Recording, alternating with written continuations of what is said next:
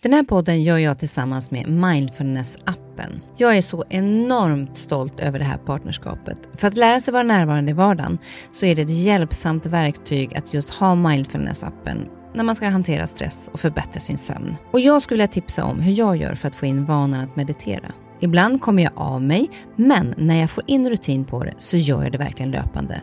Och det jag gör då, det är att jag mediterar samma tid och på samma plats varje dag. Börja hellre med någon minut varje dag istället för en längre stund och kom in i rutinen och öka sen därefter längden på meditationen. Det har i alla fall funkat för mig. Så jag tycker verkligen att ni ska gå in och testa Mindfulness-appen för det finns så mycket att välja på där. Du lyssnar på en podd från Perfect Day. Välkommen till min podd Nyfiken på.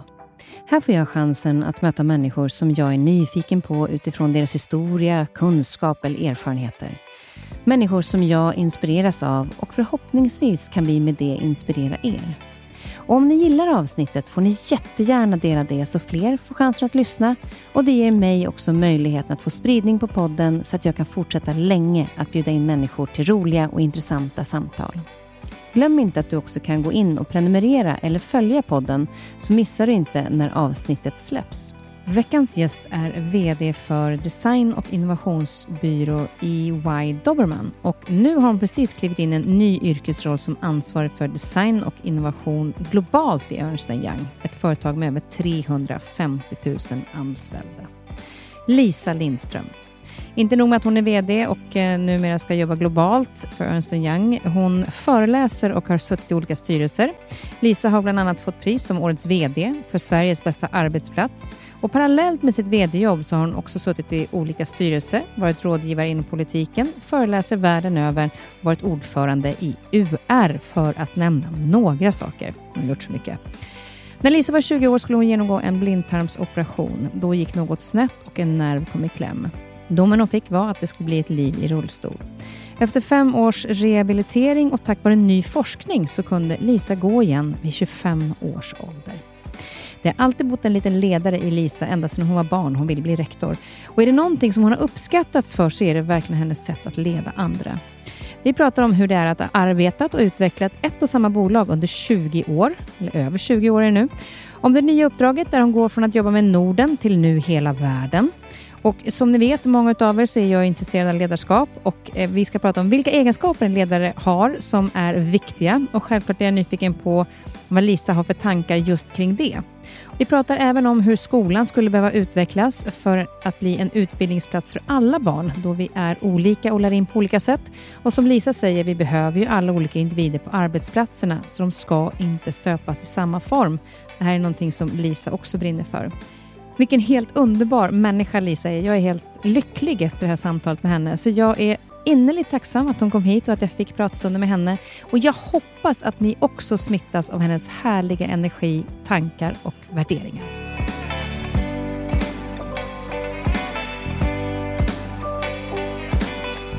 Är det bra? Eller vill du att jag ska toppen. ta den så här? Nej, det där, ja, det blir Ja. perfekt. Super. Vi är ju redan igång här. Välkommen Lisa. Tack. Du, jag vet att du har ju fullt upp och eh, när det här avsnittet sänds så eh, ser din vardag lite annorlunda ut än tidigare. Ja. Berätta vad det är som händer. Jo, jag har eh, fått en ny roll på mitt jobb. Så jag ska jobba som global chef över design och innovation på ett stort bolag som heter EY eller Ernst Young. Och det betyder att jag är ansvarig för 39 designstudios runt om i hela världen eh, och ska se till att vi använder kreativitet på absolut bästa sätt för att hjälpa till att lösa några av världens svåraste problem. Det är ett jätteuppdrag. Ja. Ja. du går liksom från Norden till det globala nu. Ja. Jag blev alltså, lite skönt ändå att du lämnar den till någon, för att du har ju haft en förmåga att ha ganska mycket dubbla eh, roller Ja genom livet. Alltså, du har varit VD väldigt länge, men, men ändå gjort liksom olika styrelseuppdrag och du är, för, är föreläsare och gör massa andra saker. Det, du sitter inte still direkt. Nej, jag sitter inte still. Men jag tror att det är ett nytt kapitel faktiskt, att jag lämnar över. Och det tror jag är att kanske finns en liten, liten, liten så nostalgi eller en liten, liten uns av sorg också av att så här, men jag har ju lyckats göra alla de här andra sakerna samtidigt kan jag inte göra det här samtidigt också? Men då har jag liksom landat i att så här, tänk vad fint att kunna ge det till någon annan och att man måste faktiskt flytta på sig. Vilket jag kanske borde ha gjort fler gånger i andra sammanhang för att andra ska få plats. Men, men det behöver man inte måste ha gjort om man är bra i den rollen man är och trivs där. Nej. Och fortfarande gör gott. Ja, fast jag tänkte på det så här i Almedalen i somras. Då var jag inte där. Och då tänkte jag, vad bra, för då kanske det fanns lite andra som kunde stå på scen. du tycker att du tar plats? Eller? Ja, men jag tycker att jag tar ganska mycket plats. Men, men som svar på din fråga, så här, är jag en som gör mycket? Ja. Ja. Och jag vill det. Och ibland när någon frågar mig, så här, Lisa, hur är det? Det ser ut som du har mycket att göra. Så svarar jag alltid, ja, jag har valt helt själv. Och det är just det. Att man faktiskt väljer det helt själv och att man kan göra det. Mm. Eh, vi var lite inne på här precis när vi började, att du pratade väldigt mycket redan som barn. Och Vi ska gå in och prata om ledarskap och massa andra saker, men jag tänkte bara titta på lite grann hur du var som liten. Var du en, en liksom ledartyp redan som liten? På skolavslutningen i ettan, när jag var sju år gammal, då sjöng jag solo och blev jätteförvånad att jag var det enda barnet som stod själv på skolgården. Jag trodde ju att alla, ni vet, så här, man, man är uppvuxen med sig själv, så jag trodde att alla var som jag och tog för sig. Eh, så det var liksom min första sån där, eh, att okej, jag gillar ju att prata inför många. Tycker inte att det är läskigt, jag gillar att sjunga inför många. Eh, så det var ju sjuårings-Lisa som också tyckte att hon kunde bli eh, rektor för skolan. Vad var det som gjorde att du ville bli rektor för skolan? Nej, men jag tyckte att skolan var orättvis, det tycker jag fortfarande. Och då tänkte jag ju att det är självklart att jag måste kunna påverka den. Och då måste jag ju nog bli chef över skolan. Det var liksom min helt naturliga tanke. Så det tänkte jag nog var det roligaste jobbet som man skulle kunna ha faktiskt. Men var kommer den här liksom självkänslan ifrån? För det finns ju självförtroende och självkänsla. Och Mm. Självförtroende är det vi presterar och det vi gör och självkänslan den vi är. Du verkar ha en ganska grundad känsla för den du är redan som liten Mm. och stått kvar i den. Mm. Var kommer den ifrån? Eh, Jag tror att den kommer först och främst från min mamma som har speglat mig och eh, helt enkelt visat mig vilka förmågor jag har eller visat mig att den personen som jag är får plats och får ta plats och är någonting som man tycker om. Så det tror jag är liksom den, den mest grundläggande delen. Men hon brukar alltid svara också så här, fast Lisa, du föddes klok. Och då tänker jag så här, ja men det gör ju alla barn då. Så att, så här, att ta vara på det kanske är det som jag har fått. Att jag har fått en person som har stått nära och sagt så här, fast det här, det här gillar vi Lisa. Alltså att all den där egenskaper eller förmågor som man har, det fick jag känna väldigt tydligt. Och sen så tror jag att eh, jag blev inte så påverkad av hur man borde vara eller hur man skulle vara eller allt det där som hände i skolan för att jag hade det så starkt i mig att så här, det, här är, det här är bra som det är. Ja, och vad jag förstår också så din mamma var inte så mån om att liksom belöna dig för prestationer, utan mer att du själv gjorde det. Ja, och det är det jag menar med liksom att hon speglade mig. Så att hon var alltid sådär att hon sa, vill det att det ska gå bra för dig, då ser du till att det går bra för dig. Eh, Jag belönar inte dig för någonting särskilt. Jag tycker att du är bra precis som du är. Eh, Men skulle du vilja få en femma i ett ämne, då tar du dig dit. Så det var alltid kopplat till mig själv och min förmåga och min önskan och drivkraft. Och det var därför som jag tror att jag kände så här, ja, men alltså, jag får lov att påverka vad jag vill. Och jag vet, jag pratade med en, jag nämnde någon förut, tror jag, i podden, när man pratar om det här med bekräftelse. så var det en psykolog som sa att det är ju, eh, när vi vet att vi så här, vill lära oss gå, då tittar vi på våra föräldrar och får bekräftelse, så vi vet att vi gör rätt. Alltså den, den, det behovet finns ju, men vi behöver stå kvar i att vi kan bekräfta oss själva. Och Då sa hon som ett exempel att om, om ett barn har ritat en teckning och så kommer det, mamma, vad tycker du om det här? Så ska man fråga, vad tycker du själv? Mm. Ja, men jag tycker att den är jättefin. Ja, det tycker jag också. Mm. Så att barnet lär sig att... Och det var ju lite grann det din mamma gjorde. Nej men precis så. Och det, om, om man liksom tar så här, det var inte, jag har aldrig, liksom, om vi tar och sjunga solo när jag var sju.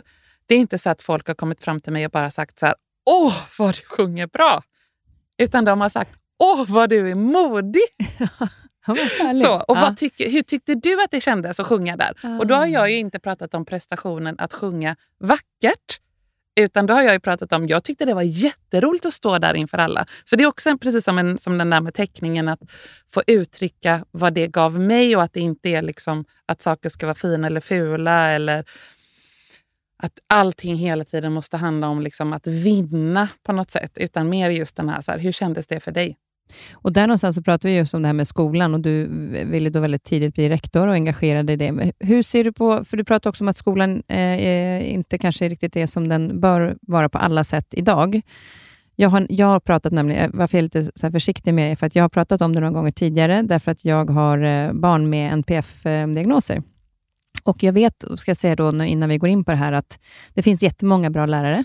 Eh, det finns jättemånga bra skolor. Jag kanske inte har tyckt på dem eh, vilket gör att jag har en annan erfarenhet, så att jag har sett från andra sidor. Så att jag vill bara säga det innan. Men vad är det du tycker? Tycker du att alla barn har rätt förutsättningar att få den utbildning som de behöver?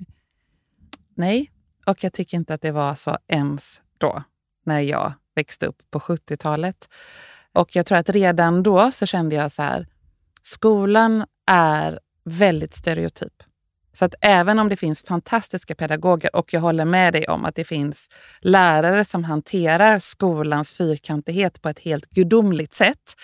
Men om man bara tar liksom grundförutsättning skola så utgår ju den ifrån att det finns en lärstil eller ett par lärstilar eh, och att, det, liksom, att alla ska få ungefär samma sätt att lära sig på. När vi vet, och när forskningen vet, att människor lär sig på så otroligt många sätt så att det som jag önskar det är att vi skulle ge lärare en större pedagogisk frihet. Att de kan få anpassa sitt eh, utbildande till den gruppen som de ser att de har framför sig.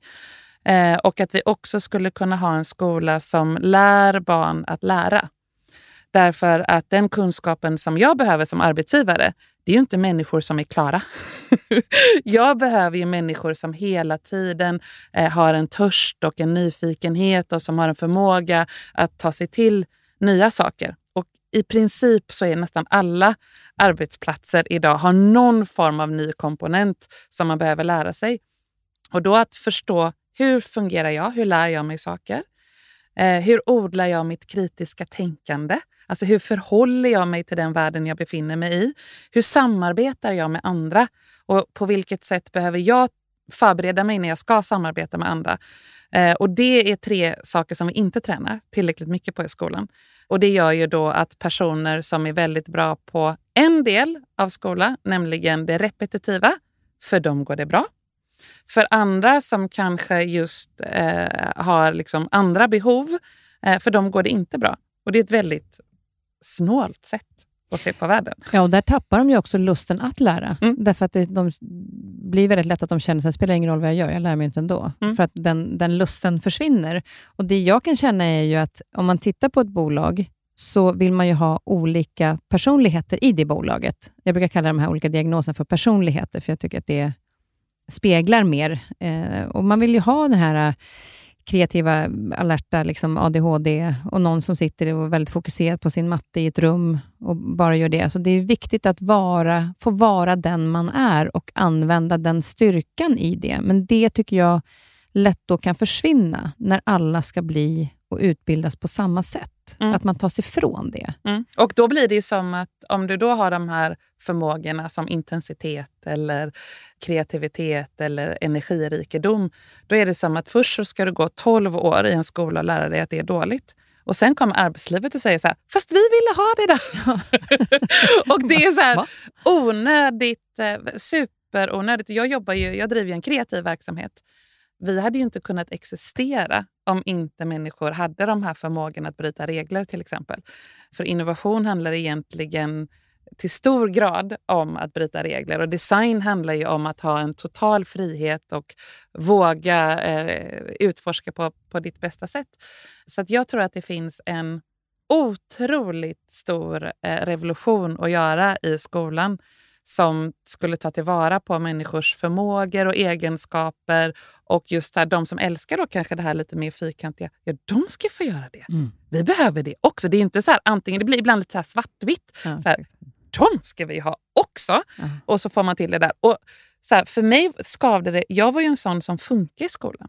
Alltså det skavde för mig för att jag kände att det var orättvist. Att så här, jag kan kliva igenom den här skolan, det går superbra för mig. Fast jag kände att det var andra runt omkring mig som det inte gick bra för. Det, blev det ju väldigt tydligt. Ja, och jag blev ju inte rektor då. Men, men jag, jag brinner så otroligt mycket för det här. Ja, nej, men det, eh, jag är glad att du gör det. Det ska bli intressant att se jag var till och med så arg ett tag, så jag gick upp till utbildningsministern, dåvarande Gustaf Fridolin, och sa att det här skolan är skit. Alltså, det här funkar inte. Um, och han var ju medveten om det, men han sa att det tar tid och bla bla bla. Och så sa jag att våra barn har inte tid att vänta på det. Men, men, och det handlar inte bara om mina barn, utan det kommer flera som, som har samma problematik och framförallt har en förmåga att kunna utbilda sig på ett annat sätt. Jag ser det väldigt tydligt med min son som är har svårt med inlärning vid läsning till exempel, men är otroligt duktig på att lära sig när det är rörligt. Mm. Och lär sig hur mycket som helst. Så att jag är inte ett dugg orolig för honom. Jag bara, vi får bara härda ut det här och sen så kommer du briljera sen. Men att, att lyfta den förmågan hos barnen även i skolan. Så det är bra att vi, vi kämpar för det.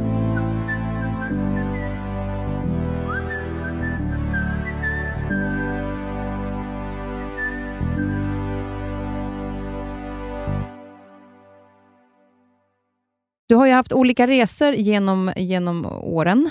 Du, eh, efter, du började i högskolan sen. Men sen var du också med om eh, en operation eh, med blindtarmen och där fick en nervskada, mm. vilket resulterade då att du satt i rullstol i fem år. Mm. Hur skulle du säga att, just då var du i 20-årsåldern, mm. en väldigt speciell tid. Eh, hur skulle du säga att den drivkraften du hade med dig sedan du var yngre, tog dig igenom den här tiden? Ja, men först så var jag ju väldigt arg. Därför att jag tänkte ju att sjukvård är svartvitt. Antingen så är man sjuk och då kan man bli lagad eller så kan man inte bli lagad eller så är man frisk. Jag hade en väldigt svartvit syn på det här. Och när, när jag var sjuk så var det så här, men vi vet inte vad det är i början. Vi vet inte riktigt vad det är du har och vi vet inte riktigt om du ska kunna gå igen. Eh, och då blev jag väldigt arg för att jag tyckte så här, men det här ska väl ni veta. Så då tror jag att drivkraften i mig eh, handlade om att vara arg faktiskt. Jag är inte stolt över det här alls. Men jag var, var sur och uttryckte mig inte särskilt snällt. Och sen så när man sa till mig så här, Lisa, nu får du försonas med att du inte kan gå. Eh, då kom ju en period av ganska mycket sorg och tvivel. Där jag eh, försökte förstå om det här, det här som skavde i mig, att jag kände att jag är en sån som kan gå. Jag kan inte alls försonas med det här. Och jag var jag, jag, ganska mycket skuld på mig själv också. Så här, varför kan jag inte tycka att det är fint att sitta i rullstol? Alltså, så. Alltså, varför kan jag nu inte vara en sån som går vidare från det här? Men jag kunde inte det. Så då kom ju, tror jag, min kreativitet och energi in i att så här, hur ska jag nu försöka övertyga sjukvården att de ska experimentera lite till på mig? För att jag trodde nog att det skulle gå. Så att jag använde nog all min argumentationsteknik och eh, känslomässighet, jag vet inte alls vad jag använde, för att så här, kan inte prova lite mer saker? Och det gjorde de ju. Mm. Och Hur hittade du, alltså, du och ni, mm. eh, den metoden som de faktiskt använde? För det var enligt alltså, ny forskning som mm. hade kommit fram. Mm. Nej, det var att det kom en ny läkare till sjukhuset som sa, eh, och då hade jag ju varit sjuk ganska länge, men som sa så här, ja, men vi skulle kunna prova det här nya på Lisa. Och då är det ju alltid som det är lite grann att så här, då finns det ju de som säger att det finns så mycket risker med det. Eh, och jag sa det är en jättestor risk om ni inte provar på mig. För att jag håller på att gå sönder här i, i själen. Så att jag vill att ni ska testa på mig. Om det gör att något mer fysiskt går sönder så eh, det har jag inget problem med mm. faktiskt. Eh, så då var, det var en ny läkare som kom med en ny forskning och som visade sig att just den funkade på mig. Och Det är det jag tycker är så härligt också med den här, eh, din berättelse också. att jag blir i alla fall mer motiverad att, att ge ännu mer pengar till forskning, för det är så tydligt exempel på att forskningen går framåt. För det är klart att den gör det, men det, man får inte så många tydliga exempel på det. Men i det hela den här resan så valde du, eller valde, du kom in på det här med teknik och koda. Mm. Eh, var det någonting du hade tänkt från början? Nej, men det här är så lustigt. För att eh, eh då hette det Arbetsmarknadsinstitutet. Och de i Göteborg hade bestämt sig att eh, vi som satt i rullstol, vi kunde i alla fall röra händerna. Så att då hade de ett litet projekt som var så här, då kan väl ni börja koda. Alltså det här är så intressant hur det händer. Eh, och jag ville väl inte det. Ja, ja, men jag måste ju ha något att göra på dagarna. Så då började jag i ett projekt som handlade om att vi skulle börja koda. Jag var ganska sur där också faktiskt, eh, för att jag kände att det var lite påtvingat. Men upptäckte att jag tyckte att det var jätteroligt och att det var liksom en ganska kreativ sak att göra. Så att jag, jag hamnade ju helt ologiskt i liksom den branschen jag är i för att det var en arbetsmarknadsinsats. Men gjorde du också gott, för jag vet att du har pratat om att man är lite grann i sitt eget universum. När man är liksom i en sjukdom mm. eh, så blir det liksom, allting liksom cirkulerar kring det. Mm. Men när du då fick komma in i det här med att göra någonting? Ja, tyvärr var det en del av samma universum. Då, I det universumet så upplevde jag att man blev fråntagen ganska mycket sina... Eller jag tog ifrån mig ganska mycket av mina egenskaper. För att om du har hemtjänst och färdtjänst och går på sjukgymnastik och arbetsterapi så är det ju alltid någon som tar hand om dig. Och eftersom jag var i den här liksom frigörelsetiden så hade jag ju ingenting som var fritt. Utan jag hade ju, levde ju i ett universum där allting var kratt krattat för mig. Eller så här, nu kommer du, nu ska du bara göra den här lilla saken. Det var ingenting som uppmanade mig till att tänka. Och tyvärr så var den här arbetsmarknadsinsatsen, du vet, den låg på en särskola. Eh, så identiteten att vara någonting annat, som var liksom att, jag, att det skulle kännas som att jag var på ett riktigt jobb, nej. Vi kodade bingohallars hemsidor gratis för att vi skulle ha någonting att göra. Så att tyvärr var nog just den insatsen ännu mer i det universumet som kan upplevas som att du inte är någonting annat än på undantag. Eller du, är, du, du befinner dig i den eh, handikappade världen. Och Det var eh, väldigt tydligt att det också, så här, du vet, jag tog färdtjänst till en särskola och satt i ett rum med, med hittepåjobb. Så det nästan förstärkte ja, det, var det, det tyvärr. Eh, mm. ännu mer. Och Det är ju ett universum som du också beskrivit att många kan hamna i, till, exempel som med arbetslöshet. Att mm. man går runt och tänker hela tiden på att jag har inget jobb och så påverkas du hela tiden. Alltså, det finns ju olika sådana universum. Mm. Men, men hur, nu hade du ju då turen att ni fick den här läkaren, att du tog dig ur det och att du kom tillbaka och kunde börja gå igen. Det var ju, förstår jag kanske själv, en resa att träna upp det mm. efter fem år. Vad hände sen yrkesmässigt? För det, det här med kodningen, det har ju liksom ändå på något sätt är tekniken och kreativiteten varit en väldigt stark ledtråd genom, en röd tråd genom, genom din karriär. Mm. Men det var lite så att när jag då hade jobbat, jag hade jobbat fem år för att kunna gå. Och då var ju det det enda jag tänkte på. Så när jag väl kunde börja gå, då blev det först faktiskt två veckor av helt stiltje. För då, då, då blev det så här, oj, nu kan jag gå. Och nu kan jag välja allt i hela världen. Och vad, Jag vet inte vad jag ska välja. Alltså Det blev stiltje för att det blev, det blev så stort. Att så här, Jag kan välja på allt som finns. Så, så var känslan. Och Det var så också som att jag kände mig som att jag hade varit en hoppressad sån här skumgummiboll som helt bara ploppade upp eh, och hade så mycket energi. och liksom så. Så efter de där två veckorna när jag eh, bara tänkte och tänkte att jag kan välja på allt, jag kan välja på allt, så kan jag säga så att det första jag kom på, eller det enda jag kom på att jag verkligen, verkligen, verkligen ville, det var att bli mamma den kom jättestarkt till mig. att så här, ja, men Av allt jag kan välja, skulle jag kunna få bli mamma, då är det toppen. Och resten, vi ser vad som händer. Och Då hade jag börjat koda och så fanns det en skola som hade grundats av en av mina gamla klasskompisar som hette Hyper Island och som var en skola som var en yrkeshögskola och man behövde bara gå två år, för jag var ju så otålig. När ska jag få komma ut i arbetslivet? när, ska jag få, liksom, när, när, ska jag gå från det här universumet av osjälvständighet och visa världen att jag har någonting? Jag hade verkligen den drivkraften. Och Då tänkte jag, om jag går på den här skolan som bara är två år, då kommer jag ut så fort jag bara kan. Eh, så det var liksom det, det, det, otåligheten i mig. Det var ju bara det att det här var ju en jättefin designskola och alla som sökte dit var ju urbegåvade. Man sökte ju liksom på arbetstest så hur skulle jag kunna komma in där? Det var ju så den stora frågan. Jag, för jag kunde ju bara typ koda lite bingohallars hemsidor. Eh, men då hade jag sån vansinnig tur att just det här året så tittade de också på... Man gjorde som en, två testdagar och så tittade man på individer som också hade en social förmåga eller kunde samarbeta. Så att jag kom in på en helt annan kvot.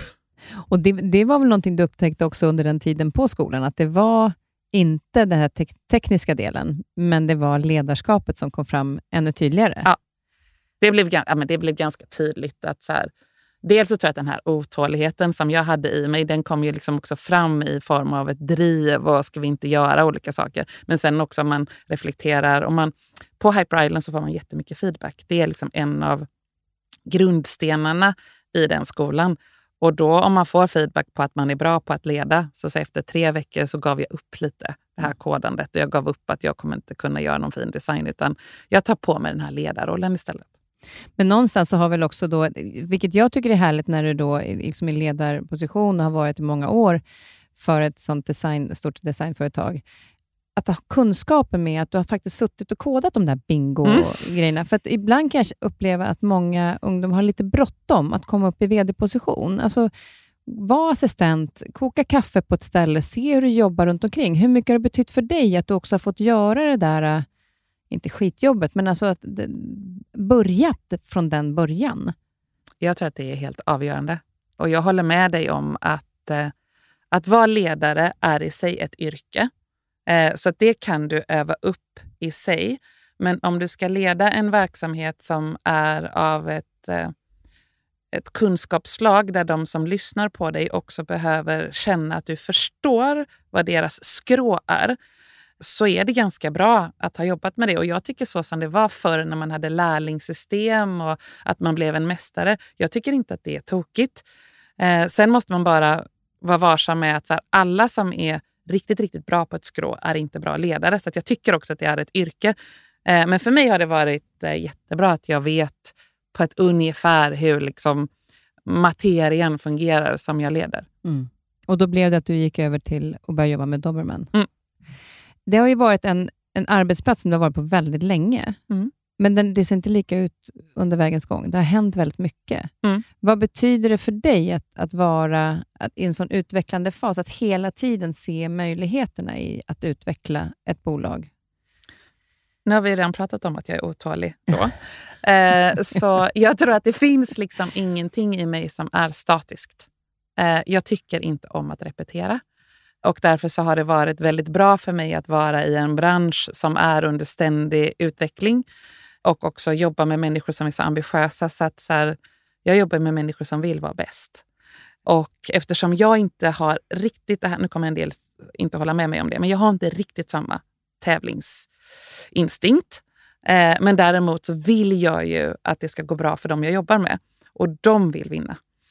Så för mig så har det varit ett bra sätt att så här, föda min otålighet i att ständigt vara på väg, att hela tiden behöva omdefiniera. Jag upplever ju att jag har omdefinierat mitt eget jobb minst en gång per år och fått eh, liksom fun verkligen fundera över så här, vad är det jag måste lägga undan nu? Vad är det jag ska börja göra för saker? På vilket sätt kan jag komplettera det gänget som jag har? Eh, och då har jag ju ständigt varit i någon form av läroresa ändå. Så jag har absolut inte haft samma jobb. Jag går inte ens omkring och tänker så här, oj vad länge jag har varit på Dobermann. Nej, för tidigare var det så att då fick man ju så här guldklocka när man varit på något ställe länge. Mm. Men idag är det mer så att man tittar på ett CV. Så, Va? Har du varit på samma ställe mm. länge? Mm. Men det är ju inte det samma stället som det var när du började. Absolut inte. Jag tänkte på det, för just det, Dobermann, dels är du inte jätteförtjust i hundar. Vilket, men men när, när jag googlade på den hundrasen så är den modig, självsäker och orädd. Mm. Stämmer det bra överens med ett företag? Ja. Jag hoppas också att dobermann är ödmjukt. Och att, jag vet inte om dobermannhundar är det, men jag tror att så här, om du är självsäker så behöver du också vara ödmjuk. Många som tittar på vårt bolag utifrån kan nog se den där självsäkerheten eller modet och kan därför när man börjar jobba hos oss bli lite orolig att du måste prestera hela tiden. Det är inte samma sak.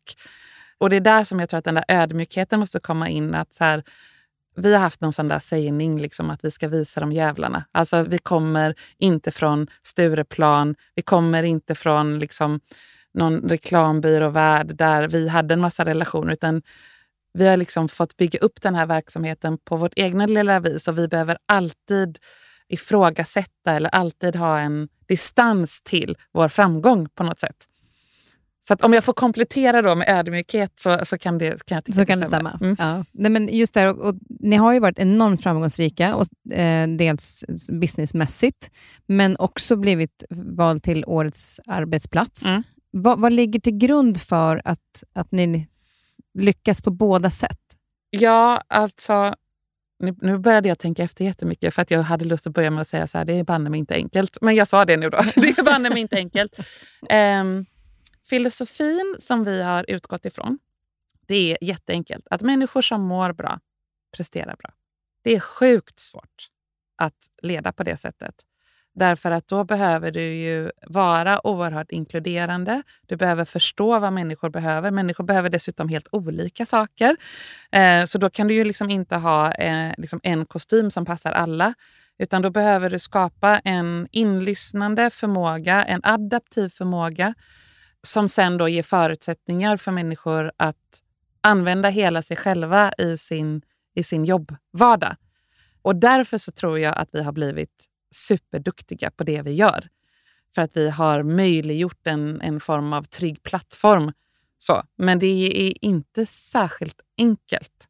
Därför att då, för oss har det varit så här, jag tror att en del kan missta att en bra arbetsplats är en mysig arbetsplats. Eller att det är liksom så här, ja men åh, där har vi det, där, där, där fikar vi mycket. Jag har fått sådana frågor. Och jag skulle säga att det är snarare en bra arbetsplats för mig. Det är en rak, autentisk arbetsplats som kräver en del av sina medarbetare. Så det är ju snarare en, en ganska krävande arbetsplats. För Jag förstår också att det är en krävande arbetsplats, men ni är också väldigt måna om att... För ni har ju så typ utvärdering, jag förstår, typ en gång i månaden med, med personalen. Så här, vad vill du? Mm. Vilket projekt vill du jobba med? Och Det kan ju vara en sak att man ställer den frågan, men det följs alltid upp. Mm. Och det är ju rätt många ni jobbar med. Mm. Alltså hur, hur lägger man upp det jag tycker är så fantastiskt, med att jag får inte ihop tiden riktigt. att att liksom få till det på det sättet är ju fantastiskt, men Mm. hur lyckas ni med det? Men jag tror att du måste vara helt benhård på vad som är viktigt. Och du måste ehm, premiera... Jag skulle säga så här att det som ibland har varit, just det där med tiden, ibland har varit eh, svårt, det är just att vi premierar hur vi bygger ett team. Eh, vi lägger tid på det. Vi investerar i just att här, kunna möta upp människor med vad de vill göra. Men det är ju ett pussel då på baksidan som vi har eh, människor som är anställda för att bara jobba med det pusslet. Eh, så ibland så brukar jag tänka ungefär som att eh, när man gör en film, då har man en person som jobbar med casting. Eller ett team som jobbar med casting. För att rollbesättningen ska bli så bra som möjligt. Så jobbar vi också. Så vi har eh, ett team, vi kallar dem för team design. Eh, de designar team. Och de jobbar med vad jag kallar för casting. Och casting är ju inte bara att du ska vara en designer, eller en projektledare eller en utvecklare. Utan det är också så här, vilka förmågor, vilka människor lirar bra? Vilken typ av projekt vill de jobba med just nu? Det är ett otroligt pussel. Eh, och det är en konstform. Och det är väl också den plattformen som också gör då sen att företaget går bra? Det är ju vad jag tror. Ja. Men då, då letar du efter välfungerande team snarare än att du letar bara efter output. Sen ska ju outputen också bli bra. Men jag tror att i många kreativa verksamheter så börjar man att prata med vad det är vi ska göra. Och i det här fallet så börjar vi att prata med vilka är det som ska börja jobba tillsammans och hur lägger vi lite tid på det inledningsvis, att, att det blir rätt team. Så hellre lägga lite mer tid där Mm. för att tjäna tid på det, Ja. på det andra. Och det är också vad jag, när jag, när jag jobbar med mina kunder, så försöker jag bygga in den här liksom, fasen av casting, rollbesättning. Och i de flesta utvecklingsprojekt så väljer man den personen som på pappret har den rollen som borde vara med i ett team eller har den, eh, det mandatet. Man tittar inte på vilka personer är det som kanske har de här egenskaperna eller förmågorna som vi behöver ha. Så att lägga mer tid inledningsvis på vilket team det ska, man ska ha. Och den andra saken som man heller inte lägger tillräckligt mycket tid på, det är så här, vad är problemet vi ska lösa? För man går lite för fort in på att börja lösa det problemet. För att man, alla människor är faktiskt ganska kreativa och har ganska mycket idéer på hur man löser problem. Det är bara det att man löser fel problem. Så att man måste så här också orka stå en mycket längre stund i och prata med varandra Vad är det egentliga problemet som vi ska lösa? Och orka stå kvar där, det är inte en jätteskön fas. Sen att komma till själva problemlösningen, det är lite enklare faktiskt.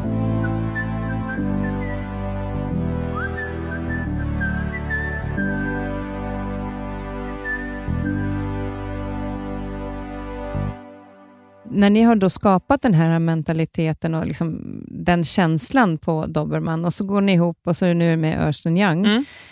Vad jag har förstått så är det lite annan... Eh, det är liksom två olika världar som möts på något sätt. Mm. Hur får man ihop de arbetsmiljöerna? Man låter det ta tid. Och jag skulle säga att eh, det är en väldigt klok organisation, eh, Ernst Young, som förstår att om vi ska förändra Dobermann och framförallt förändra Dobermans arbetssätt, då var det ju lite klantigt att köpa just dem. Eh, eh, för att så här, det är inte, det är, alltså, så här, man köper ju en, en kreativ verksamhet för att man vill att den ska fortsätta bidra med kreativitet. Eh, därför har det också funnits en enorm nyfikenhet på våra arbetssätt. Inte hos alla, Eh, och där har väl jag använt då min pedagogiska ådra lite grann i att förklara varför man då behöver ha lite andra sätt att mäta på eller lite andra arbetssätt när man driver en kreativ verksamhet. Så jag skulle säga så här, det finns en nyfikenhet på hur vi jobbar. Det finns en nyfikenhet på hur jag leder.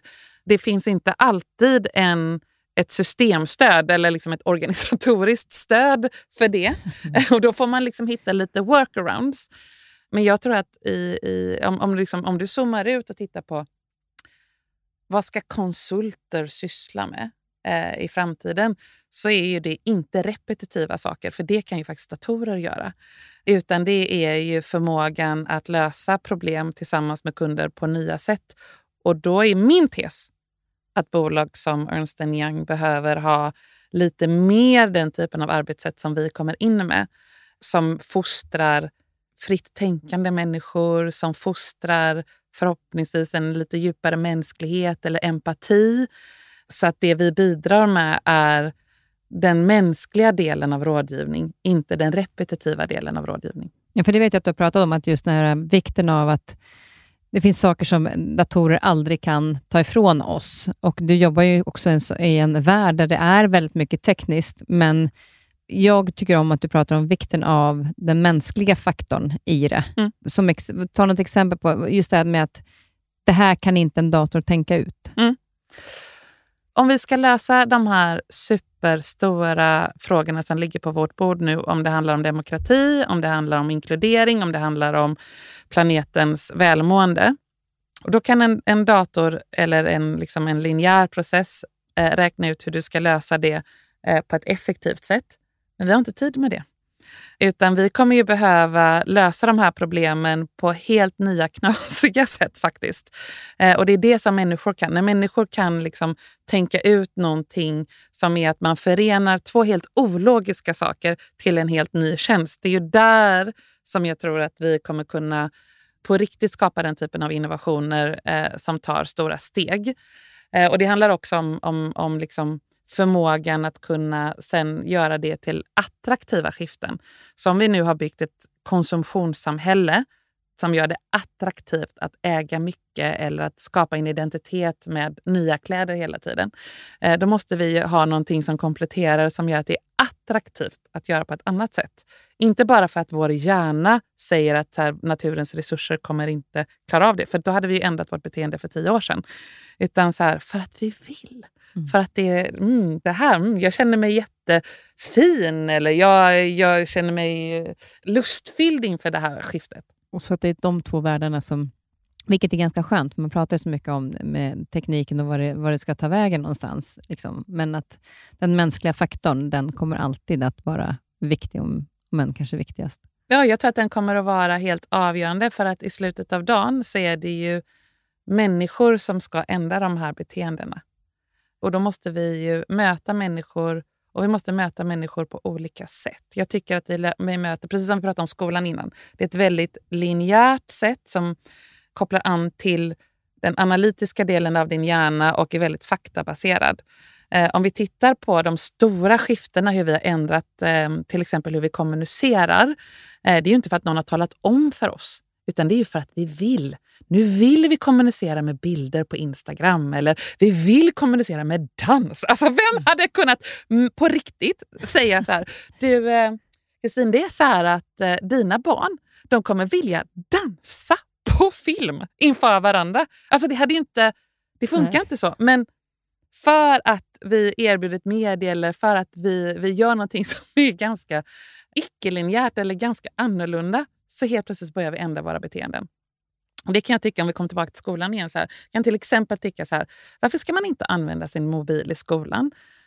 Ett av de rikaste sätten att kommunicera på måste ju vara TikTok. Det är film, det är musik, det är filter, det är emojis. Det är ett jätterikt sätt att uttrycka sig på. Och så har vi istället bestämt oss för att så här, nej, att skriva, det är ett rikt sätt att kommunicera på. Alltså för, för, mig, för mig är det omusikaliskt. Mm. Eh, och det är där jag tror att vi, så här, om vi, om vi blir duktigare på att möta människor där människor är, inte där liksom våra analytiska hjärnor eller våra liksom datorer kan räkna ut, utan försöker stå i och titta på så här, vad, hur är det människor beter sig. Vad är det de gör? Vad tycker de verkar vara roligt? När börjar de förändra sina beteenden? Och så, och så gräver ur det så tror jag att vi skulle kunna åstadkomma jättestora skiften. Jag är helt med dig i den världen. vi ska komma, också komma in nu på ledarskap. Mm. Eh, jag blir alldeles varm i hjärtat när du pratar om skolan och eh, det här med film och sånt, så mm. jag ska försöka landa lite. Ledarskap. När jag har lyssnat och läst om dig så är det så häftigt att höra hur du ser på alltså ledaren i dig själv. Mm. På vilket sätt skulle du säga att du leder dig själv? Jag har utvecklat, jag visste inte att jag hade utvecklat en metod. Eh, för det här har jag fått reflektera över. Men eftersom jag då har den här intensiteten och gör väldigt mycket eh, så är jag mån om att hela tiden ha koll på hur mina känslor hänger med. Så att jag åker i vad jag kallar då för känslohissen ungefär 30 gånger per dag.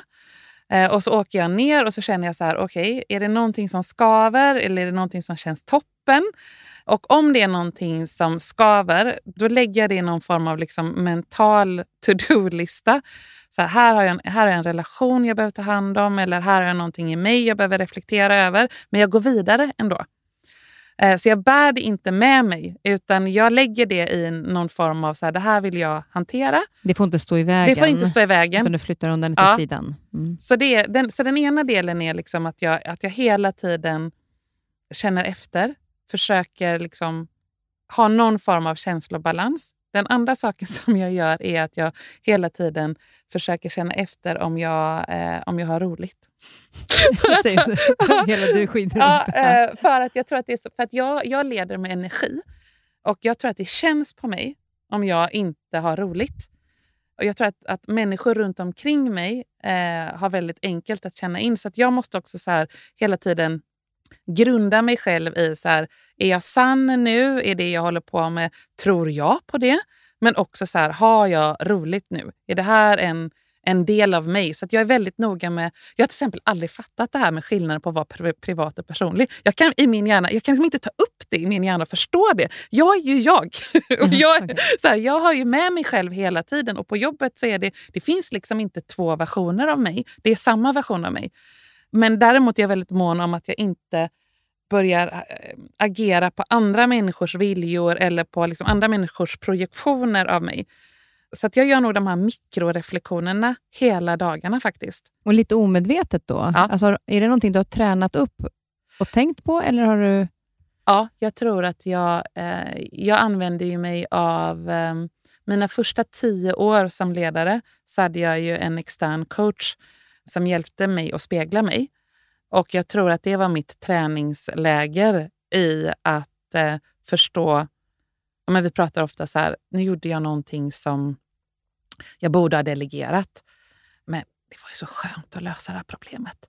Ja, men okej, då försonas jag med det. Att så här, det, det, det, nu kände jag mig lite duktig för att jag gick in och löste det här problemet. Jag vet att jag borde ha gett någon annan det uppdraget. Men och så är jag liksom lite snäll mot mig själv i det. Och då tror jag att de där första tio åren av coachning att jag tränade upp den här eh, förmågan som nu sker lite omedvetet. Och också att du där då bekräftar dig själv. Mm. För den tycker jag är så himla viktig. Att vi, för vi vill ju bli bekräftade. Ehm, Men det är ganska svårt att, för andra att veta när man har behov av att bli bekräftad. Brukar alltid säga att min mamma fick ju applåder var tredje minut när hon uppträdde, men det är inte alla som får applåder var tredje minut och då kanske man ska kunna ge sig själv det. Mm. Att säga, fasiken, det här mejlet blev ju riktigt bra. Mm. Jag fick ihop det bra. Mm. Brukar du göra så? Ja, men jag har blivit mycket bättre på det. Jag hade inte alls det tidigare. Men idag kan jag... Eh, och Det var faktiskt först då jag började tycka om mig själv, att jag, när jag var sann. Att jag kunde stå i att jag känner att jag har varit ärlig i det jag gör och jag tycker om det jag, att jag är sann. Mm. Jag kanske inte alltid är stolt över det jag gör, men jag var sann i alla fall i det. det var så, jag såg en film, det blir en liten parentes, men jag såg en film där det var så här skämtfilm på YouTube, där det var en kille som satt i en, en um, arbetsintervju och så hade han lögndetektorer på sig. Och så när han satt i den här intervjun så fick han så här förfrågan, ah, vad, vad tjänar du i lön idag? Han bara, 100 000 dollars a year. Uh, då pep ju den där. Och så fort han ljög så pep den. Och det var även de här små eh, lögnerna som egentligen inte spelar så stor roll. Vilket gjorde att jag kom på att om jag kom för sent till jobbet så kunde jag säga så här, men det var sån kö. Fast jag egentligen tagit en extra kopp kaffe. Mm. Och de blev inte okej. Och då när jag började tycka att det var okej, så kände jag mig bra. Mm. Och då kunde jag börja tycka om mig själv. Så att jag fick börja med att vara sann först. Och sen kunde jag börja bekräfta mig själv. Men det var ju verkligen en träningssak med den här lögndetektorn som jag låtsades att jag bar på mig Mm. för att landa i det. Men vikten av att kunna bekräfta sig själv, för jag menar som VD är det lätt att få Får man ofta bekräftelse utifrån när man är en ledare? Jag, tror att det är hur man lyssnar. Eh, du får inga stående applåder var tredje minut. Du får ju oftast höra det som inte funkar. Så då har jag lärt mig att lyssna.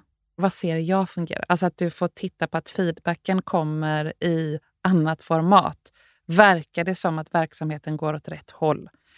Du kan ju alltid se, när du, när du är vd så är det, det är en oändlig arbetsuppgift, det tar aldrig slut. Så därför så måste du ju själv bestämma så här, när tog det slut. Och det finns alltid saker som du kan förbättra. Alltid, varenda minut så finns det det. Och det är alltid någon som inte har det bra och det är alltid någon kund som inte är helt nöjd och det är alltid någon någon del i verksamheten som behöver liksom få bli prioriterad. Så att du, du, du styr ju själv över att säga så här, idag, nu tog det slut. nu blev det tillräckligt bra. Eh, så dels tror jag att jag har lärt mig att lyssna efter att feedbacken kommer i form av liksom i annan form. Eh, men sen så är jag ju också mästare på att ge mig själv feedback och säga så här, det där blev tillräckligt bra. Ja, det, det blev okej. Okay. och blir, blir det inte det, då är det ju det här skavet som jag behöver. Så skavet är ju inte bara i relation till andra, utan skavet kan ju då vara i relation till mig själv. Jag hade ett möte i fredags och det satt kvar ett skav. Och det sitter fortfarande kvar, det skavet. Och då vet jag att jag måste fråga två personer som var med på det mötet eh, hur de uppfattade mig. För jag går omkring med att, en känsla av att jag inte var bra och då är det oftast att jag inte har varit autentisk. Eller att det, är, alltså så. Det, är någon, det är något från det mötet. Eh, och den sitter kvar så starkt. Vet, nu pekar jag på, Ja, på mitt hjärta ja, här. Eh, för att det är, där, det är där de där känslobollarna sitter. Det, det är som den här... Har, har du sett den här tecknade filmen som heter Insidan ut? Mm. Ja, ja, ja, ja. Och då är det ju, då, då, då, det är det ju fem känslor. Mm. De har fem färger. Precis så ser de bollarna. Efter den filmen så fick de färger, de här bollarna. Och nu, just nu så är det en röd boll, så det är den som är arg. Jag vet inte varför, men det, det, det är den som sitter här. Och då vet jag att, här, inte att jag har gjort någon annan illa. Eller att det är någon annan. Det är inte en sån typ av relation jag måste dela med nu, utan nu är det något i mig som jag måste ta reda på. Och Då måste jag fråga ett par personer som var på det mötet. Hur uppfattar ni det? Och så tror jag att jag liksom jobbar också med min positiva feedback till mig själv, men också till, i min liksom, eh, negativa feedback till mig själv. Att så här, om jag inte klarar ut det själv, då måste jag ju gå och fråga. Och som ledare så måste du gå och fråga eh, om du känner dig osäker. Men vikten också av att känna, för det kan jag tycka att många inte vågar göra. Mm. Utan att det där skaver, ja, ja, men det, jag får gå vidare. Mm. Att vi inte tar tag i faktiskt det vi känner. För ibland kan ju också känslan vara... ehm, det kanske blir att man blir arg, fast det är inte den känslan egentligen, utan det är att du är rädd. Mm. Men du tror att du är arg. Mm. Men om vi inte lyssnar in känslan, eller då ställer en fråga, Mm. så får vi inte svaret på vad det grundar sig i och kan bli av med den. Man lägger liksom locket på då på något sätt. Och här har vi en, en, ett eh, samhällsfenomen.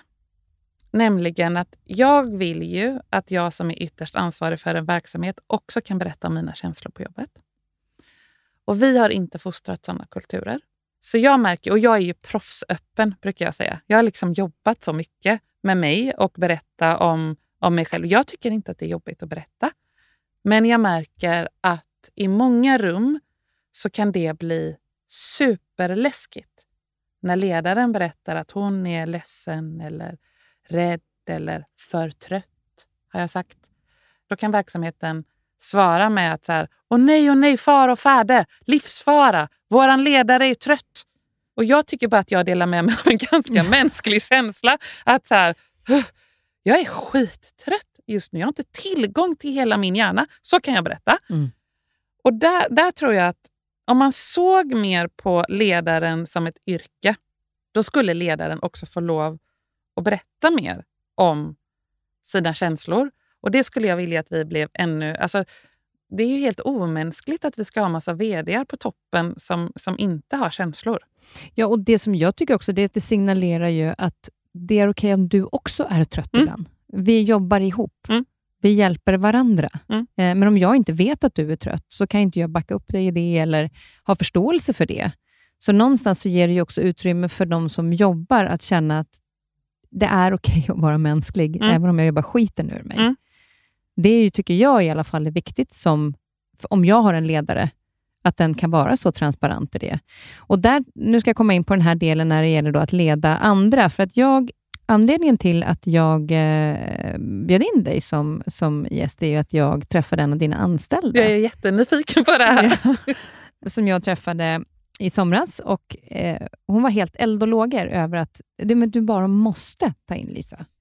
För vi pratar om ledarskap och hon vet att jag tycker att det är så himla spännande. Och Då så sa jag till henne, så här, att vad, vad är det som gör att, du, att hon är så fantastisk? Och Då visste hon inte riktigt. Hon hade väldigt svårt nästan att kommunicera var hon skulle börja. Men hon sa, jag föll pladask för henne när jag började där som praktikant. För att hon tog med mig på ett möte och lät mig leda mötet med henne, den här presentationen. Och jag var helt grön. Att redan från början så tar du och lyfter. Mm. Var kommer den delen ifrån? Att du vågar lita så mycket på och visa dem att jag tror på dig. Jag tror att det är människosyn. Jag tror verkligen att människor är otroligt mycket bättre än dels vad vi själva tror och vad en verksamhet tror om dig. Så att det är helt grundbottnat i att eh, jag går ju omkring och tycker att vi slösar bort människor otroligt mycket. Så att det, det grundar sig Det är liksom inget annat än att... så här, och, och Det här är så roligt också att du säger så att det börjar redan första dagen när du är praktikant. Nej, alltså det börjar redan i när jag rekryterar. För den här feedbacken har jag fått. Att så här, när jag intervjuar någon, då börjar jag med en gång göra den personen lite bättre. Och då tycker mina kollegor att det är helt hopplöst. För så här, du ser bara potentialen i den här personen. Du vill ju typ anställa de flesta. och det är lite sant. Ja. Eh, därför att så här, jag, jag börjar ju se förmågorna och tänker så här, ah, men då, om vi tar med den och så, mm, då kan du så. Eh, så det, det, det, är liksom, det börjar redan där och jag tror att det är, grundar sig så mycket på människosyn och också på att jag faktiskt tror jag vet att jag kan också rädda upp det. Eh, men om inte man börjar ställa sig och testa någonting som är lite utmanande i början eh, så kommer du ju också börja agera utifrån... Alltså, du gör vad du tror, inte liksom, du använder inte dig själv. Alltså jag, förstår, jag vill liksom, hur, hur kan vi använda det som är den här personens unika förmåga på något sätt? Mm. Och Det var faktiskt intressant. Vi pratade om det här med att läsa böcker eh, och hitta liksom, trådar i det man har utforskat själv. För två veckor sedan så var jag och lyssnade på en kille som pratade om hur man organiserar sig för innovation. Och Då så sa han så här att man ska alltid ge människor en lite svårare uppgift än de själva tror att de klarar av. För att då sträcker man på sig lite. Och så börjar man göra lite oväntade saker som man inte ens själv vet att man kan. Och det, Det är nog så jag jobbar. Jag ger nog människor en lite svårare uppgift än de själva trodde att de kunde. Och Det är också, tänker jag, också grundat i att du är trygg i dig själv. För att hade inte en ledare varit trygg där, så hade man kanske inte riktigt vågat bolla över på samma sätt. Nej, Nej men jag är trygg i att eh, tillsammans så klurar vi ut det här. Och om det inte går bra så är det också okej. Okay.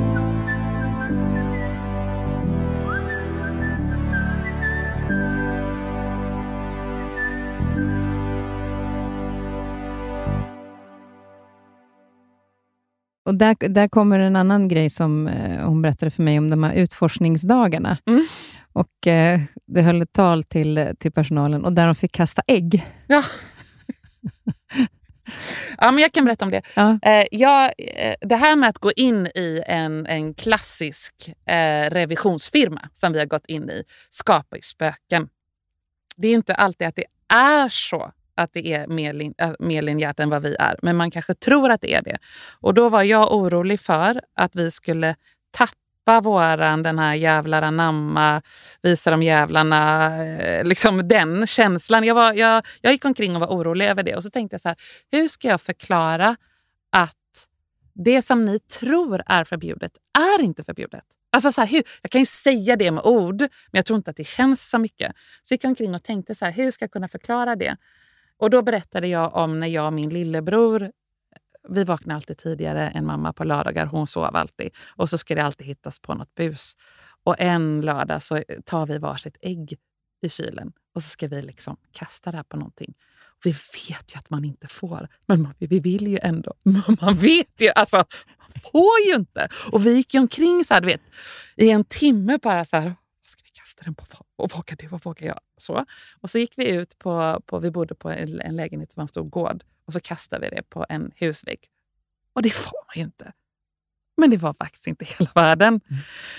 Och så sa jag till var och en, så sa jag så här, här får ni varsitt ägg. Och det symboliserar det där som ni vill göra. För jag tror att det är någonting som alla vill göra, som är så nerv, nervkittlande och det har någon kvalitet i sig som vi inte får tappa bort. Det här ägget symboliserar det som du nästan inte vågar göra, men som du skulle vilja göra. Och jag har din rygg om du kastar det ägget. Det får inte vara någonting som är olagligt. Nej, exakt. Den, där går gränsen. där går gränsen. Jag tänker liksom inte hamna i fängelse, men, men så här, någon, om, om, och, och, folk har ju kastat ägg alltså. Ja, och du, och du påminner dem också ja, om det. Ja. Glöm inte att kasta ägg. Mm. Och Det här är en typisk sån sak på min otålighet. Och det här har inte jag läst i någon bok eller så, utan det här är ju jag som är otålig över att... Jag, jag hinner liksom inte heller ta reda på om det finns någon bra metod för det här. Eh, och Den andra saken som jag kom på i efterhand är att kreativitet är frihet. Känner jag mig fri att... Och eftersom jag då tror att vi måste känna oss fria att bryta lite mönster eller göra saker som är lite oväntade. Eller att kasta ett ägg. Det är inte hela världen att kasta ett ägg. Det är faktiskt inte det.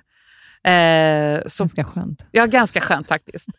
Eh, så det, kan inte det vara din uppgift då? Mm. Att kasta ett ägg den kommande veckan? Jag känner just idag så skulle jag kastat ganska många men, eh, ja. i morse. Men eh, absolut, det ska jag faktiskt göra. Och det, jag älskar när det är målande alltså när jag ser bilder, mm. vilket, blir, och vilket var roligt när hon säger att vi blir hela tiden påminna om att kasta ägg, så det har ju verkligen satt sig också. Mm.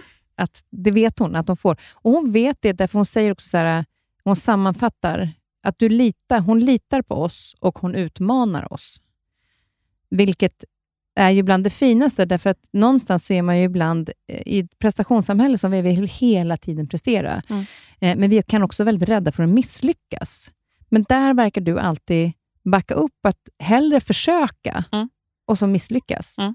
Och du säger, jag har din rygg. Mm. Hur viktigt är det att inte vara rädd för misslyckandet? Jag tror att det är helt avgörande. Därför att, eh, som du har hört, då, så vill jag ju mer av människor. Jag har högre förväntningar på oss människor än vad jag ser att vi får ut just nu. Och det gäller i alla verksamheter. Kanske inte vården, där tycker jag att det känns som att alla faktiskt gör sitt yttersta. Men utöver det så skulle jag säga att det finns mer att ge. Och det där vi ska ge, det måste oftast vara att vi provar saker som är lite nya. Och om du går omkring och är rädd för att misslyckas så kommer du aldrig prova något nytt. Utan då kommer du göra det som du vet det liksom fungerar. Men om du vet att det förväntas av dig att du ska göra nytt, att det är ett utforskande i det och att du vet att någon har din rygg om det skulle hända. Så jag backar gärna upp om du provar något nytt. Jag är inte så himla nöjd med människor som gör samma sak om och om igen. Eh, då blir jag frustrerad. Eh, eller människor som försöker klara sig själva och inte ber om hjälp. Det tycker jag också är, är ganska osexigt faktiskt. Fast, fast du också har själv varit där. Ja. Den tycker jag, alltså, där har vi just det här med att, att eh, ta hjälp av en assistent. Mm. Det satt långt inne. Mm. För då var det fult, Mm. Mm. tyckte jag. Då tyckte jag så här, ah, men man ska liksom klara sig själv. Det, det är också så här bara en värdering som jag inte vet var jag fick den ifrån. Men det var liksom snyggt att man ska klara sig själv. Och sen när jag insåg att så här, det är ju jätteklantigt att jag... försöker- Om det nu finns x antal arbetsuppgifter och jag kan dela dem med någon. Då, ett, så får ju en person till ett jobb. Det är bra. Eh, men sen så får jag ju också utrymme att kunna göra ännu mer saker. Så det var då jag kom på, ja, idag har jag ju två assistenter till och med. För att jag kom på att så här, det finns ju massa arbetsuppgifter som jag inte behöver göra. Men det satt jättehårt inne. Jag tror det tog mig... Jag tänkte säkert på det i fem år innan jag, innan jag gjorde det. Och där kan jag någonstans känna, för att jag har ju sedan i januari faktiskt anställt en assistent och aldrig haft det tidigare. För jag, men jag tror att det grundar sig i att jag fick också väldigt mycket bekräftelse i att jag kunde klara allting själv. Mm. Att jag kallades för kan själv när jag var liten. och liksom, att Det var liksom en drivkraft. Och, och för mig blev det då självklart att man gör det. Mm. Det är att vara typ duktig. Precis. Medan jag sen tänkte att, men herregud, vad fasiken, om jag får någon som kan hjälpa mig med alla de här mejlen och sånt som jag sitter med på kvällarna och på vissa eftermiddagar, så kan jag faktiskt jobba och tjäna mer pengar egentligen. Mm. För att fylla upp för oss båda då. Men, men det var bekräftelsen, tror jag, i att jag hade känt mig så stark i att klara allting själv. Och jag tycker att det är bland det bästa jag gjort, att be om hjälp. Mm. Men jag är ju inte ens bra på de grejerna. Hon är ju mycket bättre än vad jag är på dem. Och ändå så sitter det så hårt inne för att, precis som du säger, att vi, vi får bekräftelse och jag tror att man tycker att det finns fula och fina arbetsuppgifter också. Så att det är så att, att be om hjälp med administration som då skulle kunna anses vara en tråkig arbetsuppgift. Medan för någon är det en jätterolig arbetsuppgift. Ja, de älskar det. Ja. Det är ju fantastiskt. Ja. Så där, där är det också liksom att, så här, dumt att inte göra det. då. Mm. Men tillbaka till, tillbaka till det här bara med att, att, liksom, att känna att någon har ens rygg. Om det är någon uppmaning som jag skulle vilja ge till de som lyssnar på den här podden så är det, säg det till någon. Du har faktiskt ganska många personers rygg. Det vet jag att vi var och en har det i olika relationer, men vi säger det inte förrän i efterhand när någonting lite olyckligt kanske har hänt. Men om du, om du skulle vilja bidra till ett samhälle där människor känner sig ännu mer fria att bidra, så tror jag att säga så här, vet du, testa det där och kom tillbaka till mig. Och inte berätta vad du misslyckades med, utan berätta för mig vad du testade och vad du lärde dig. För då får du en kultur av känslan av frihet, känslan av att jag känner mig litad på. Och det där vet jag att vi alla kan göra i det stora och det lilla. Så och så sant att göra det innan också. Ja. Inte, inte visa det. Och inte heller tro att folk ska veta att du har deras rygg. Och när, när någon kommer till dig och säger så här, du har en idé, jag skulle vilja testa det här. Prova och säg ja. Punkt. Säg inte, ja det har vi redan provat. Det, det dödar ju liksom vilken kreativitet som Ja. helst. Eller, nja, har du tänkt på det här och det här? Prova bara och säg ja en gång och se vad som händer. För att eh, du, du får inte jättestora revolutionerande aktiviteter som händer de där första gångerna. Men sen, jag har ju kommit till jobbet ibland och blivit överraskad av vad människor har gjort. Av, för att de har känt så här, här, här får jag påverka. Det här, det här är mitt företag. Så här får jag göra. Vad känner du då? Nej, men jag, blir, jag tycker det är så coolt. Jag, alltså så. Ser det på För- dina ögon. Ja, för att då är det just det här som jag går omkring och är frustrerad över, att det finns så mycket mer kapacitet. Tänk alla människor som, vi pratar om de här universumen. Om du är i ett arbetslöshetsuniversum eller att du känner det, ex, det finns ett exkluderat universum. Du känner inte att jag är en sån som får frågan, till exempel. Men tänk om man kunde vända på den.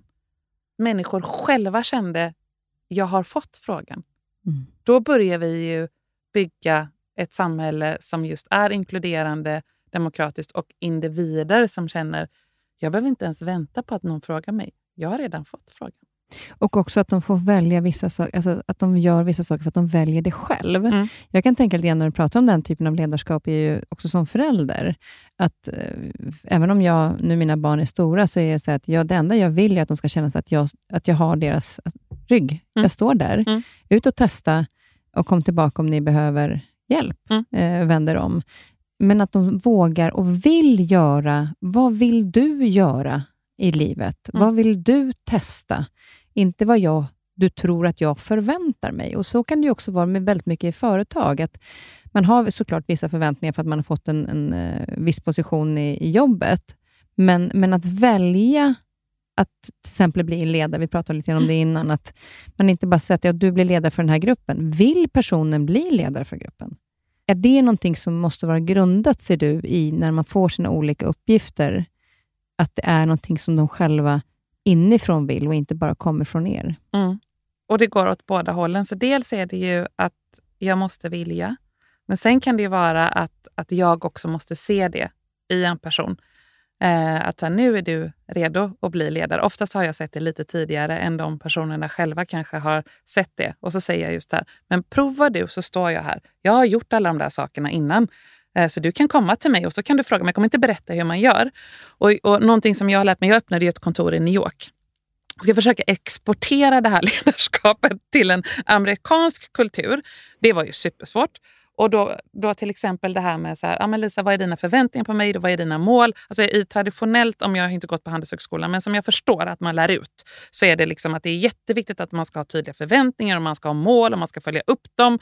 Och jag sa så här, ah, men jag vill att du ska berätta för mig hur du ska bygga New York-kontoret.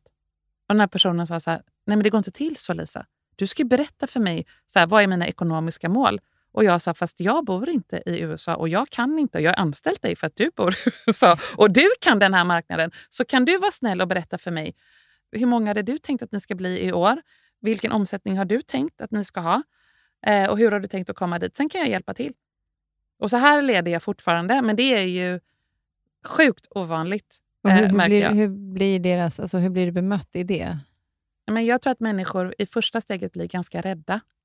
Oj, vilket stort ansvar du lägger på mig. Ska, ska jag ta fram det här? Ja. Och det är igen så här att jag tror ju mycket, mycket mer om människor än, än jag ibland ser att de själva tror. Så jag tänker så här, ja, det är jag helt övertygad om. Så att först ser jag en, en rädsla, därför att man är van att det ska finnas ett rätt och ett fel. Lisa ska säga till mig omsätt 30 miljoner och så ska jag köra mot 30 miljoner. Jag brukar också säga så här, jag vill att du ska göra så mycket skillnad som möjligt. Skillnad inom vad då? Du får ingen så rikt... eh, Nej. nej. Eh, vad, vad men, ja, men jag vill att du ska åstadkomma skillnad med de produkterna som vi utvecklar. Men vad, vadå skillnad? Ja, men jag, vill, jag vill inte att vi ska göra eh, ett bolag lite mer effektivt. Jag vill inte att vi ska göra skolan bara lite smartare. Utan jag vill ju att om vi kommer in så ska vi hjälpa det här bolaget att göra ett, ett stort skifte. Det är att göra skillnad. Och då vill jag att du ska fundera och berätta för mig vilken typ av personer, ungefär hur många behöver du och vad tror du att du kommer tjäna då? Och jag alltså förstår ju hur mycket jag lär mig då. Jaha, så, så tänkte han. Då, alltså, då blir ju det Ja. en, ett utbyte av kunskap som händer där och då.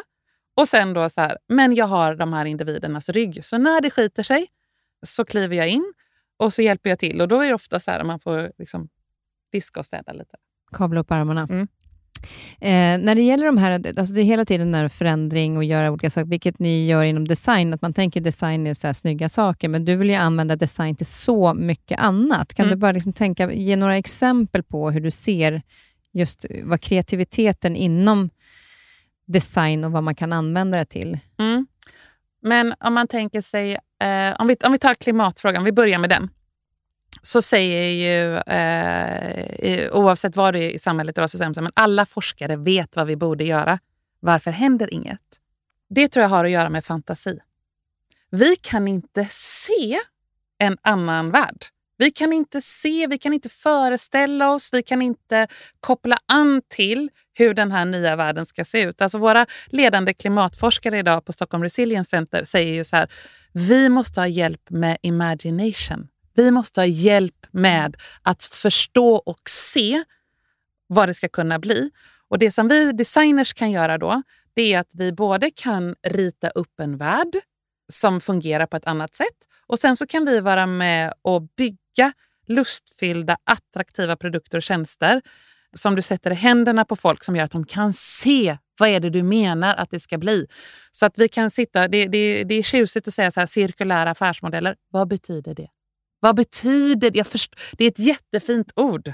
Men vad betyder det? Ja, men när jag får den i min hand och jag förstår liksom att så här, men det betyder att du ska ta tillvara på det här materialet, återvinna det och kanske eh, köpa en, en, en, en eh, second hand-tröja eller du kanske ska skicka in din tröja. Du måste liksom se det. Så att jag tror att, att det, liksom den delen av design som som världen på svenska inte känner till. Det ska också vara attraktivt och vackert. Det är fortfarande jätteviktigt att vi, att vi omger oss med vackra saker, men de ska också vara meningsfulla. Så det, det, det är liksom på en, en stor nivå, så här, den typen. Men det kan också handla om att eh, design för mig kan också handla om att vi är duktiga på att förstå människors behov och därigenom så bygger vi någonting som, som slår an ett beteende då som de kanske redan har eller skulle vilja ha.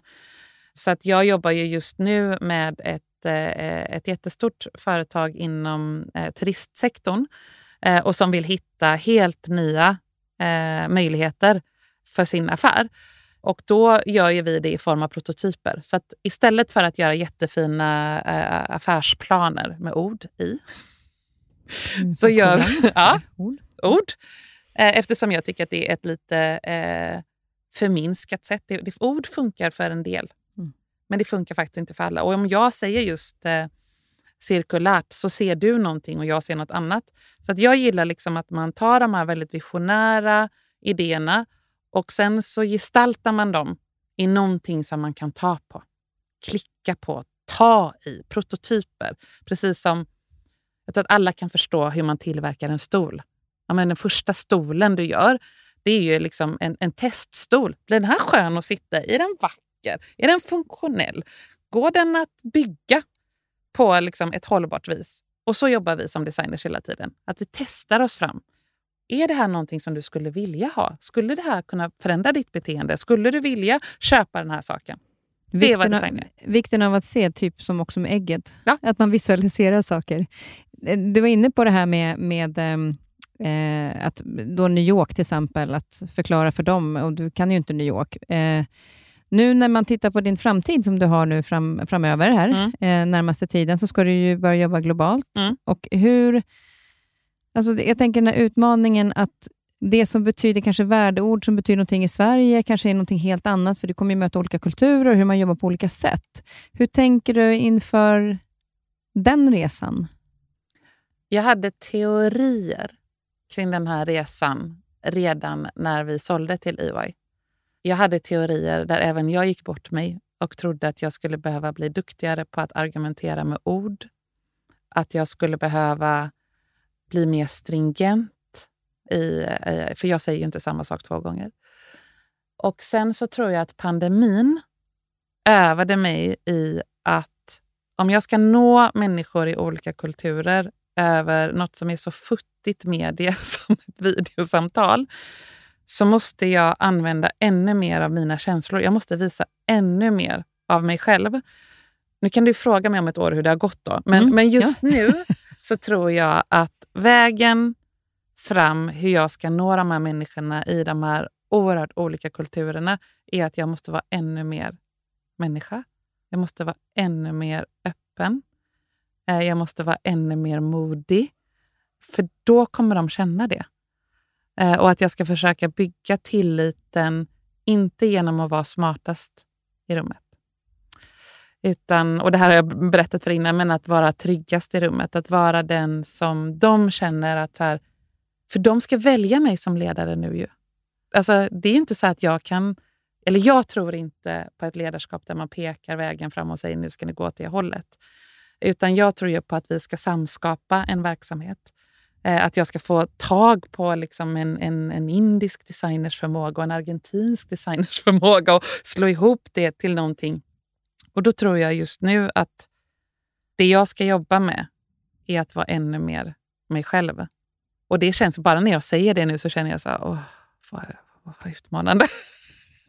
så, alltså så här, det känns ju i mig. så här. Vilken färg fick den? Oh, ja, men den, den fick någon sån liten blå. Blå är lite rädsla faktiskt. Ja. Lite så här, oh, ja, lite vad jobbigt att jag måste vara ännu mer närvarande. Men det är nog, det är nog så jag ska göra. Är det, är det jobbet eller är det rädsla? Ja, det är en rädsla. Mm. Just att hitta rätta känslan. Men, och det är så fint att du pratar om det här med tryggast i rummet. För det var ju så roligt att bara för några veckor sedan så var Anna Tebelius Bodin här, som vi pratade hjärnan och ledarskap. Och rubriken på det är att ledaren ska vara tryggast i rummet. Mm. Med tanke på hur vi faktiskt fungerar rent liksom, fysiskt Mm. i vad som sker i oss. Mm. Och vikten av att en ledare är tryggast i rummet. Så nu får du ta hand om den där blåa känslan. Mm. Eh, och eh, lycka till med hela den här eh, spännande resan du har framför dig. Och stort tack för att du har kommit hit. Jag, jag är lite nyfiken då på också vad du är nyfiken på. Mm. Jag är otroligt eh, nyfiken. Alltså jag är nyfiken på så mycket olika saker. Men just nu är jag nyfiken på om vi kan väcka hopp i människor. Jag tror att just nu så, så saknas en, en känsla av tro på framtiden. Så jag är nyfiken på det. Har du en tanke på hur vi skulle kunna göra det? Jag skulle vilja att vi lät fler historiker, författare, faktiskt präster, filosofer kunde hjälpa oss att koppla an till historiska skiften. Så jag tror att vi behöver berättelser. Berättelser som många människor kan förstå. Jag tror att berättelserna då kommer att berättas på ett modernt sätt, om det är på Youtube eller om det är... Alltså, så, Där jag kan tror man att, också ut, ut, använda design. Exakt. Ja. Eh, så. teknik. Men, men, men jag, jag tror att vi är lite korkade just nu. Att vi liksom inte kopplar an till vad vi har lärt oss om mänskligheten på något sätt. Så jag tror att om vi fick till berättelser om vad, är, vad sjutton är meningen med varför vi finns till? Som förr i världen så hade ju, eh, i Sverige i alla fall, vi är ett ganska sekulärt samhälle, men så hade vi berättelser om, om religion som gjorde att man kunde känna hopp till exempel. Vi har inte de berättelserna idag. Då behöver vi liksom fler berättelser. Jag är inte säker på att vi behöver bli mer religiösa. Eh, vi är inte säkra på att vi behöver bli mer andliga. Men vi behöver ha fler berättelser om vad meningen är så att vi kan väcka an människors hopp. Och genom det då så tror jag att människor, kom, det här är min tro då, eh, att människor kommer bli mer solidariska, mer kollektiva, mer ansvarstagande. Spännande. Titta tillbaka till historien, för det har ju varit förändringar tidigare. Och vi har gått igenom dem också. Mm. Så vi ska klara det här med. Mm. Nu vet jag att du hade svårt att välja en låt som vi ska avsluta med. Men finns det någon eh, låt som du tycker, eh, som du tänker på, som du sjunger till bilen? Jag, vet, jag tyckte det var så gott jag hörde när du pratade i en podd, eh, när du ibland inte känner att du har, ja, men inte känner att det var så bra, så kan du skicka ett hjärta till någon för att få ett hjärta tillbaka. Mm. Det är så jävla underbart. att Det är klart vi kan behöva bekräftelse ibland och när man vet att nu behöver jag bekräftelse så gör man det medvetet. Otroligt bra. Så gör jag faktiskt. Ja. Jag tycker det är helt underbart. Och, och så att du sjöng i bilen ibland. Eh, men vad, vad, så du har ju mycket musik. Mm. Ja, men det, alltså, någonting som jag... eh, Alltså allting kanske med Seinabo Bosei. Men vi tar en sån powerlåt eh, som är Younger. Younger tar vi. Mm. För vi blir inte yngre. Utan så här, det är bara liksom, för mig är den bara så här, det är bara att köra på nu. Ja, och vi kan ju värna, vi kan ju vara glada att vi får bli äldre. Ja. Så vi inte ska fokusera på någonting annat. Tack snälla Lisa för att du kom eh, och lycka till. Och så slutar vi med Younger. Tack. Tack. you might as well get it while you can, babe. Cause you know you ain't getting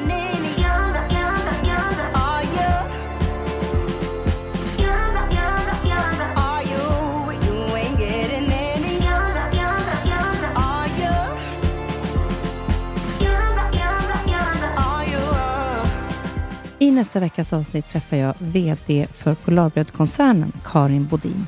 Vi pratar om ledarskap, om att driva ett företag som varit i familjen i fem generationer, om branden som drabbade Polarbrödsfabriken för två år sedan och om sorgen efter hennes stora syster Anna som dog 2019. Karin är en så inspirerande människa som är tydlig i sitt ledarskap och har mycket värme. Hon inspirerar också i att vikten att leda sig själv och att löpningen som ger henne så mycket inte är förhandlingsbar. Missa inte nästa veckas avsnitt. There is a light to all this darkness if only we.